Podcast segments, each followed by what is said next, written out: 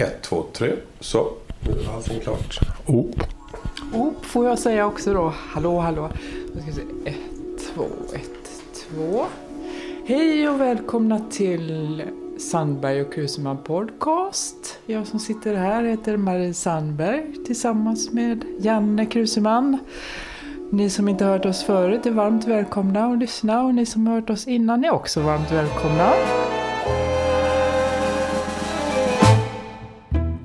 Ska göra att försöka ta upp lite intressanta ämnen som vi har funderat lite på, eller hur?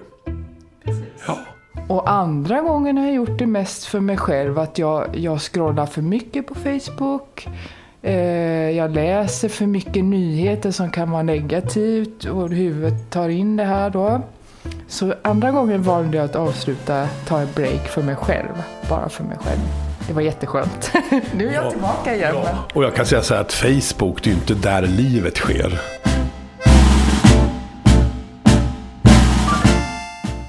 Utan det alltså jag ty- och, och där faktiskt, jag såg faktiskt en forskare nu för ett tag sedan. Som sa att, att ligger man på Facebook, då ska det vara konsensus mycket med tyckande och beslut och vad man, ja, olika åsikter och sådär. Och, och, och, och det tar död på hela demokratin. Vi måste få tycka lite mer olika, tycker jag också på Facebook. Det ska inte vara att alla tycker oj, oj, oj, det är så bra och det är så bra. Oj, oj, oj, det är så dåligt, det är så dåligt. Vi måste tillåta oss en diskussion, men det klarar inte så många av. Utan det finns en aggressiv sida som säger du ska tycka som jag, annars är det åt helvete. Och det där, det där råkar ju många människor illa ut. Men jag ser ju Facebook lite mer som ett skämt. Alltså jag, alltså jag ser ju vad folk skriver och liksom sådär. Hela då kulturvärlden som jag då tillhör är ju också sådär liksom väldigt, kanske så här lite enkelriktad ibland på olika sätt. Och, och då kan jag känna som jag hade en, hade en, en kompis, han reste till Vietnam och han var faktiskt väldigt kulturell. Och då så var han eh, i Vietnam på ett tempel ute i djungeln där. Och då tog han ett kort på något sånt här träaltare. Och då var det en sån här, ja, någon slags ja, symbol med en jättestor penis på någon sån här gammal trägud. Och när han la ut det på Facebook, då blev han avstängd i två veckor. Ja, alltså förstår du? För att han har lagt ut sexuella objekt liksom.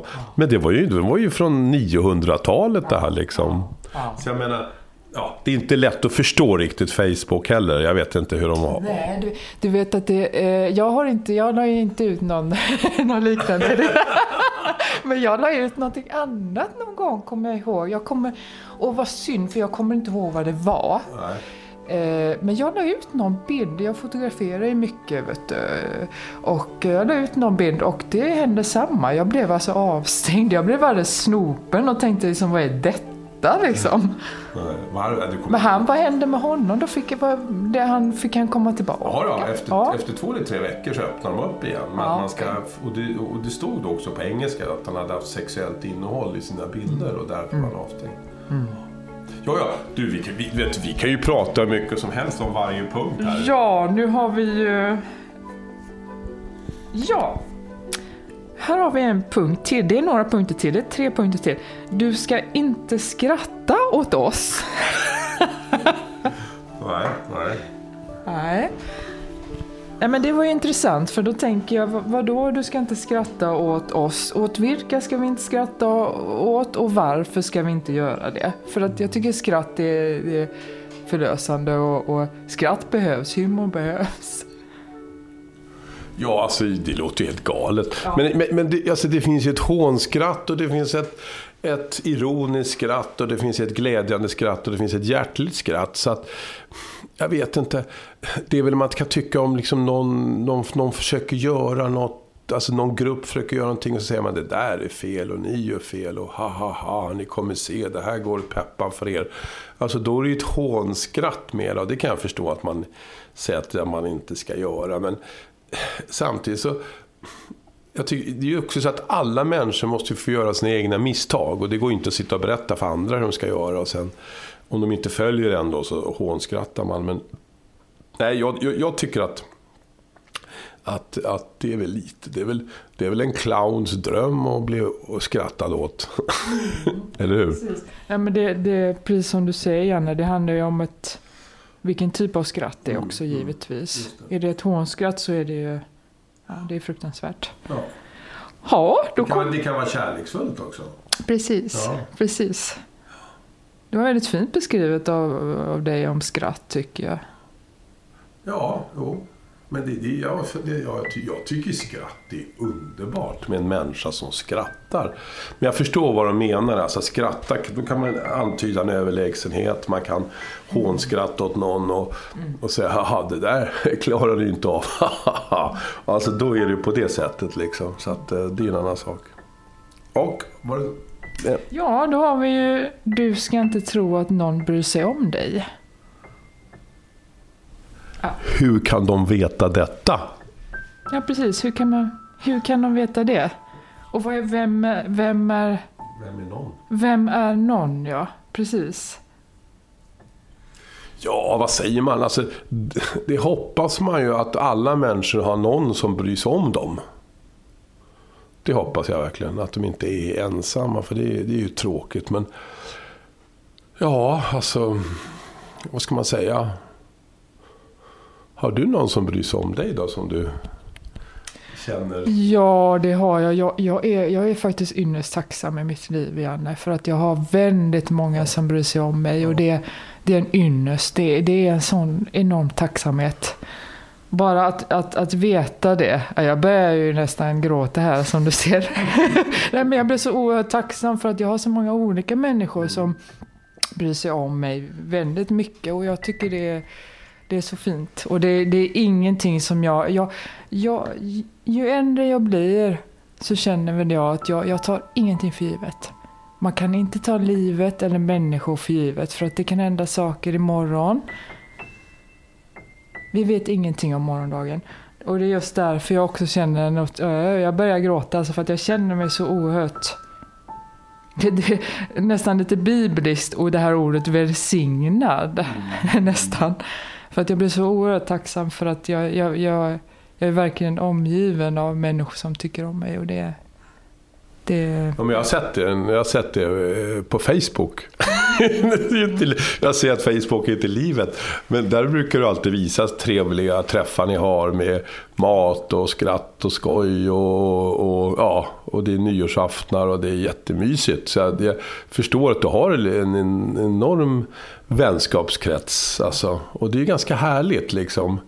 Ja, att ha en sån och uppskatta det också på alla vis. Och sen kan det också vara slitsamt att ha för många vänner. För, då ska man, för att en vän, vänskap kräver ju lite underhåll hela tiden, eller hur? På något sätt. gör det. Ja, gör och det är ju för bägge parter, alltså både den man får och ger av. Så att säga. Så att, så att, eh, har man för många vänner då kan det bli väldigt snabbt och ytligt allting. Men har man, så därför gäller det att hitta en bra medelväg med, med liksom nära vänner och sen vänner man känner. Alltså jag känner honom eller henne, det är ju en annan sak. Men att man, att man liksom kallar det för vänner och det innebär ju att man har en relation och umgås. Och det är ju sådana vänner som i mitt liv kan komma liksom in och så går de ut lite och så går de in och sen försvinner de bort efter något liv. Och det är ju inte så att man inte tycker om dem. Det är bara att, liksom att livet består ju hela tiden av olika saker.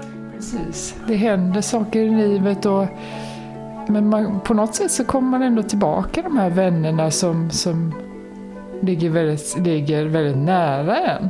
Man kommer liksom tillbaka men sen så är det precis som du säger, det händer saker och man, man, man utvecklas kanske åt olika håll och så vidare men eh, Sen har jag väldigt olika vän, vänskap och, då, och vet du de flesta, min största eh, krets finns här i Stockholm. Faktiskt.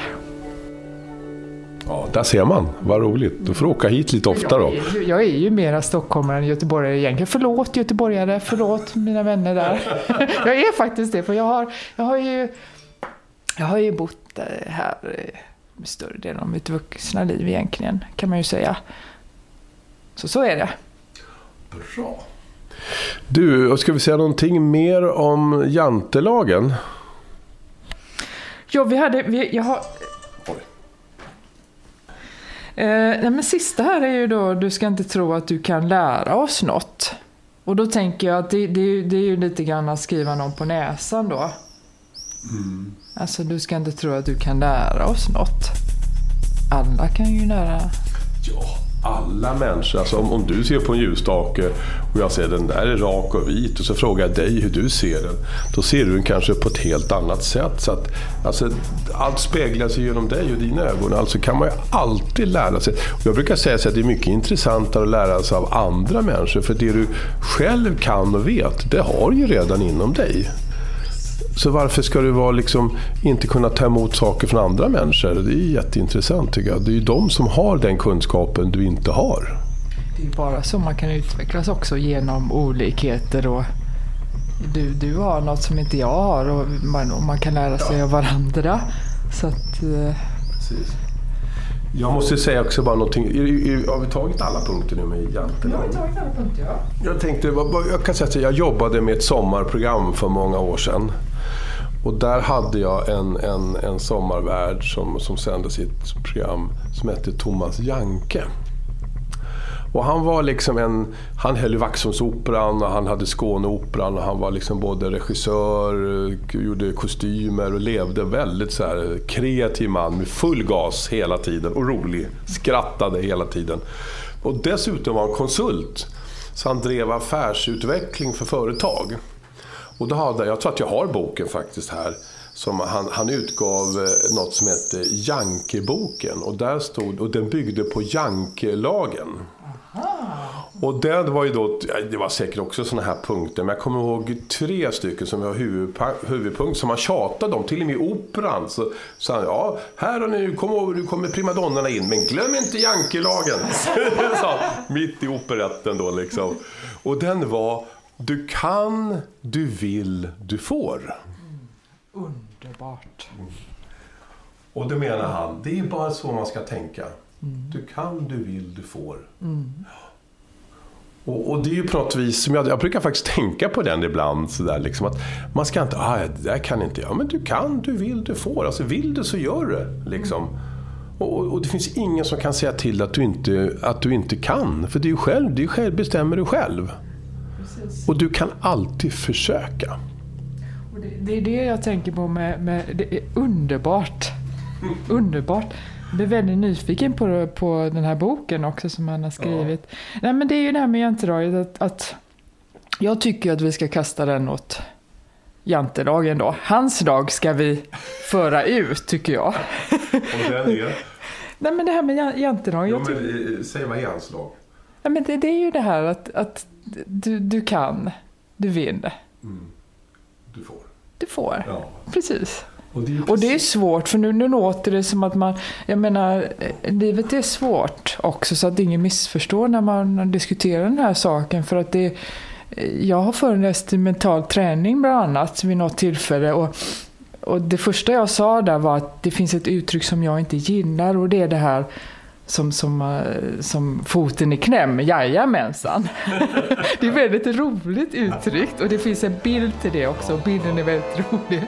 Så det, det, det, är roligt. Foten i kläm, jajamensan. Men då sa jag det då att jag gillar inte det uttrycket för att eh, det, är, det är väldigt svårt liksom att eh, ja, men tycka om sig själv. Därför så är det där, där, därför ska man tänka mycket på tanken. Och det är lite grann det som han, han menar också. Att man, just tanken att jag kan någonting, jag är värdefull, jag, jag duger som jag är. Oavsett, jag behöver inte prestera. Att jag vet att jag duger ändå. Jag behöver inte... Till exempel, vi gör vår podd för att vi tycker att det är väldigt trevligt och roligt, utvecklande. Men, men prestationen i sig gör, alltså jag, jag vet att jag är bra ändå. Oavsett om vi hade gjort den här podden eller inte och så vidare. Så det, det jag föreläste om var också att det, tanken är så viktig och det, det, har jag fått jobba med halva mitt liv faktiskt, helt ärligt. Att eh, min, min, tan, min tanke, mina tankar, för där börjar allting. Även om man, sen är jag övertygad om att det här vi pratade om tidigare, får man höra saker som barn och så vidare att du är, du är kass eller du, du kan inte göra det eller eh, då förstår man ju inte det som barn att det kanske beror på den vuxnas osäkerhet utan man tror ju det som barn då. Du kan inte göra det, nej då kan jag inte göra det. Så tanken är, tankens kraft den är väldigt mäktig. Mm. Så när jag föreläste i detta då eh, under en period så, så pratade jag alltid om det att byt ut jag kan inte. Och det får jag jobba med än idag faktiskt. Det, det ska jag säga, det är svårt. Men att, att byta ut då jag kan inte till jag kan. Och det är ju faktiskt hans ord också där att vi kan.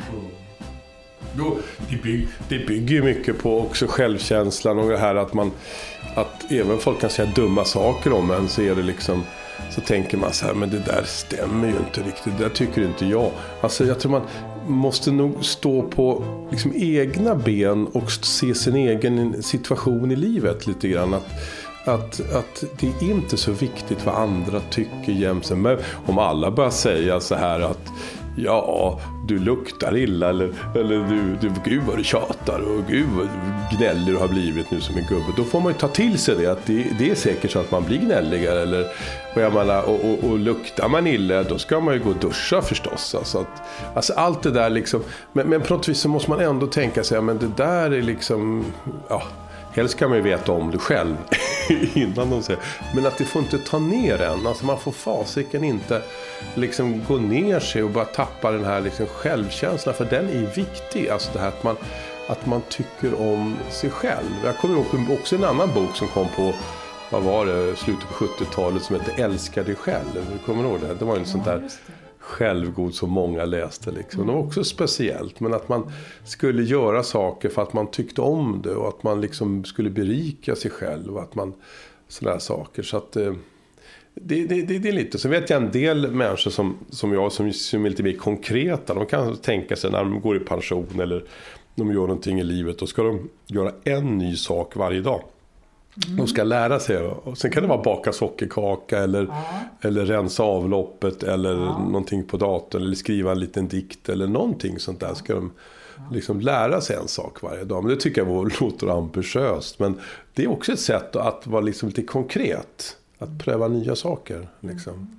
Mm, Därför kan jag känna så här, jag har en kompis, han, är, han har varit arbetslös mycket och det är kanske inte så mycket att vara avundsjuk på. Men han har varit väldigt duktig på att göra saker. Och, han har fått gå kurser. Han har utbildat sig till ja, liksom både fångvaktare och läst psykologi. Sen har han gjort, eh, ja, gjort datakurser. Har han gått. Och nu sist gick han eh, att han blev grävskopemaskinist. Mm. Och det har jag alltid drömt om att köra grävskopa till exempel. Jag tänkte, fan vad kul. Han fick gå i sex månader och lära sig det där liksom.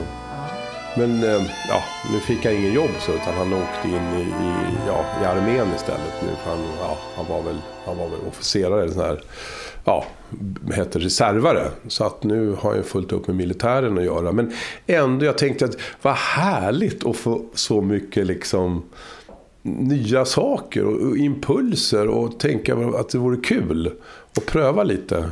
Ja. Och det tycker jag vore kul. Ja, det, det har ju... Det har ju att göra med nästa ämne, Janne. Ja, och det är? Det är förändringar. Förändringar, ja men precis. Där kom man in på Jag låg före i mentalt. Ja, det gjorde du. Mm. Underbart. Mm. Vad tänker du när du tänker på förändringar? Nu berättar du lite grann om... Jo, men jag tycker, jag tycker att det är... Alltså man säger så här. Ibland känner jag så här, jag vill ha det som det Alltså du vet det här lite grann, bevara samma bröd och samma ja, mm. kakor och samma bord. Och så. jag vet ju ett år, jag reste mycket jobbet. Jag reste varje, varannan vecka, så, eller varje vecka så var jag minst i två nya städer. Och till slut visste jag inte var jag var. När jag vaknade upp så visste jag inte om jag var i Östersund, eller Växjö eller Malmö. För det var olika hotell och de tyckte... Och det var väldigt kul på ett vis, men samtidigt så blev jag så här liksom vild. Och tänkte, kan jag inte få komma hem till min säng och liksom mina saker, mitt hem och sova där? Liksom. Och då blev det kanske det här att man kände sig lite, ja, lite vilsen då. Så att jag är nog lite liksom för rutiner samtidigt som jag tycker om förändringar. Men jag vill nog styra förändringarna själv och inte dras med i dem. Och det kanske är en begränsning jag har tycker jag. Kanske att jag skulle låtit det flöda på mycket mer i livet kanske. Om jag skulle vara lite kritisk mot mig själv. Så, Hur då menar du? Om du tänker hur skulle jag få på då? ja, men man kanske skulle öppnat en restaurang nere i, i Bangkok. Eller en, en, eh, jobbat på någon skidanläggning eller någon turistanläggning i några år. Alltså något sånt där som är lite kul. Så att eh, man skulle kunna ha gjort något annat kanske än just ha varit på, på, på samma ställe i många år. Men jag har ju ändå gjort mycket frilansgrejer och sådär också. Så att det är inte så att jag har suttit stilla och bara på ett ställe. Utan tvärtom så har jag liksom, men, du vet, tagit steget ännu längre bort. Det är det jag känner lite grann att man skulle kanske. Och, och det har väl med att man kanske inte är så förändringsbenägen som man tror. Utan, utan man trivs. Alltså du vet. Precis. Ja, det är ju väldigt, alltså man känner ofta att, att det här med förändringar, det är svårt alltså. Det är väldigt svårt för att det, jag är också så, jag är väldigt eh, vill ha, det, vill ha det på ett visst sätt. Man är van vid det på något sätt. Och förändringar, jag, jag kan ju skrämmas av förändringar. och Tycka att det, jag, kan bo, jag kan utmanas av det också. Så det är inte så att det skrämmer livet ur mig utan det, det är också en utmaning. Men förändringar är, det är tufft alltså. Men om du träffar en, kan- Mm. en, en ny kärlek. Skulle du följa med ut i, och segla jorden runt till exempel? Och, och, och tänka ett nytt liv, att ni skulle leva liksom i Karibien och, och liksom, ja, och ha det, ja, liksom tänka något helt nytt. Ja, det skulle jag nog. Det, det skulle jag nog. Men det skulle ju skrämma också. Det skulle det göra. Såklart. Men det, det skulle jag nog kunna, kunna göra faktiskt. För att jag själv... Nej, men det, det skulle jag kunna göra.